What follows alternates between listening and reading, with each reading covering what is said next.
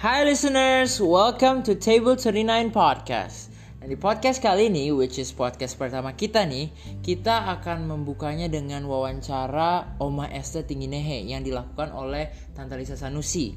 Nah, buat kalian yang nggak tahu siapa itu Oma Esther Tingginehe, beliau adalah seorang istri dari hamba Tuhan dan memang pelayanannya bukanlah pelayanan yang tampil depan, melainkan dia dipanggil Tuhan untuk menjadi pilar doa yang menopang pelayanan suaminya dan pelayanan hamba-hamba Tuhan lainnya.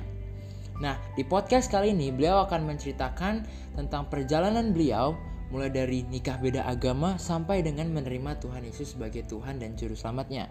Dan di akhir podcast juga beliau akan menceritakan mengenai pengalaman unik beliau yang diajari Tuhan tentang firman lewat sebuah mimpi. Nah, menarik bukan? Yuk sama-sama kita dengerin yang pastinya akan memberkati kita semua dari generasi ke generasi.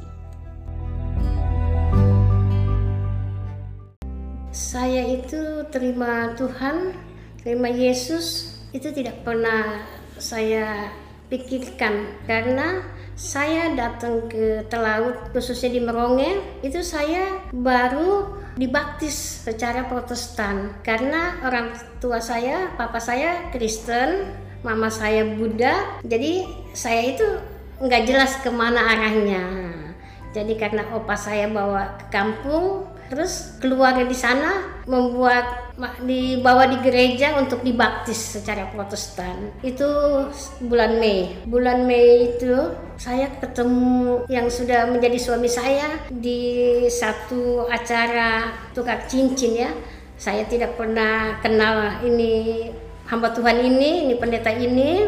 Mereka kirim surat ini mau beriwayat dulu sedikit. Kirim surat terus yang terima opa saya mereka setuju saya orangnya nggak pernah lihat dan nggak kenal. Cuman saya tanya sama itu seorang ibu saya bilang orangnya bagaimana ya? Oh dia bilang boleh katanya. Ya udah terserah aja jadi tante belum pernah ketemu Om sebelumnya? Iya belum pernah ketemu. Hanya dia yang lihat saya waktu saya bawa nampan itu bawa kue jalan. Oh gitu. Iya. Terus jadi waktu Om lihat tante terus uh, seneng. Dia, dia terus kirim surat. Kirim surat. Iya. Bersurat kepada keluarga. Iya. Oh. Jadinya saya terima. Saya cuma tanya orangnya. Uh, orangnya cakep enggak kan masih logat ya. Uh, terus mereka bilang boleh. Katanya oh iya cakep katanya. Ya udah saya bilang terserah aja dah.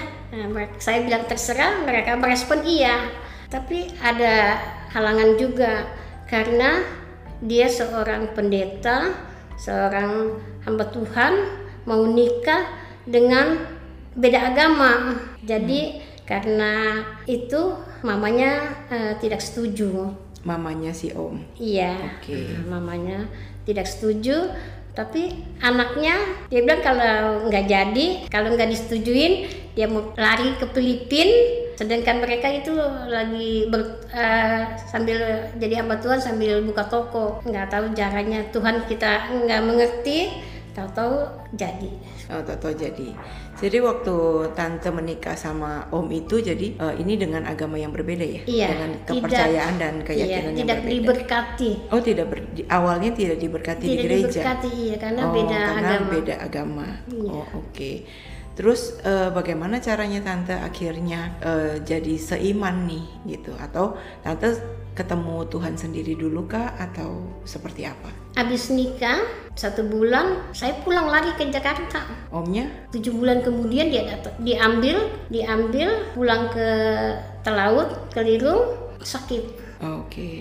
Sesudah sakit, caranya Tuhan mau panggil saya dari sakit itu, saya terima Yesus, saya dibaptis Islam dengan seorang hamba Tuhan uh, namanya Yoce Ampen.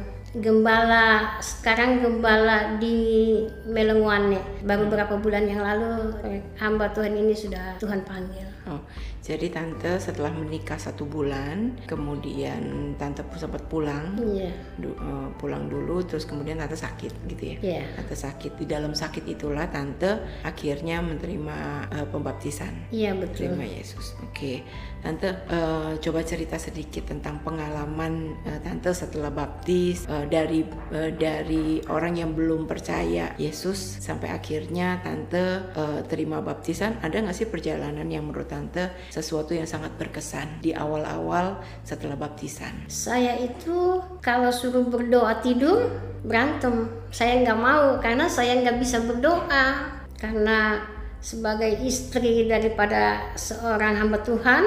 Sesudah itu kami diberkati gereja, kami buka sidang. Buka sidang karena saya tidak mengerti itu kebenaran firman Tuhan apa isinya.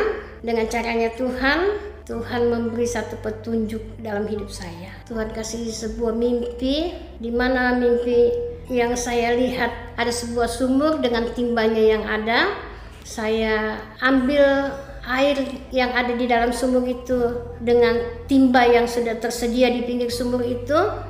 Sesudah saya ambil, kenapa hati saya air itu dikembalikan lagi di dalam sumur itu? Tuhan kasih hikmat sama saya bahwa Tuhan adalah sumber kehidupan buat setiap umat manusia yang ada di dunia ini. Karena Tuhan sebagai sumber kehidupan kita, apa yang kita sudah buat maka kita kembalikan untuk kemuliaan nama Tuhan. Jadi air yang saya sudah timba itu dan saya kembalikan di dalam sumur itu itu punya tujuan untuk saya pribadi bahwa apa yang Tuhan sudah buat dalam hidup ini Tuhan punya rencana yang indah biar Tuhan tuntun saya terus karena Tuhan itu sebagai satu kehidupan di dalam sumber hidup saya dan saya mau kembalikan itu untuk kemuliaan namanya daripada Tuhan.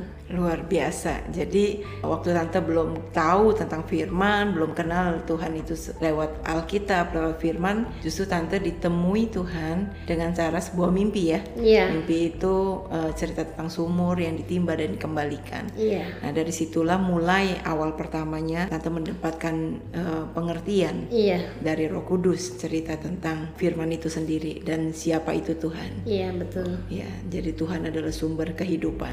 Amin. Eh, luar biasa tante, luar biasa perjalanannya.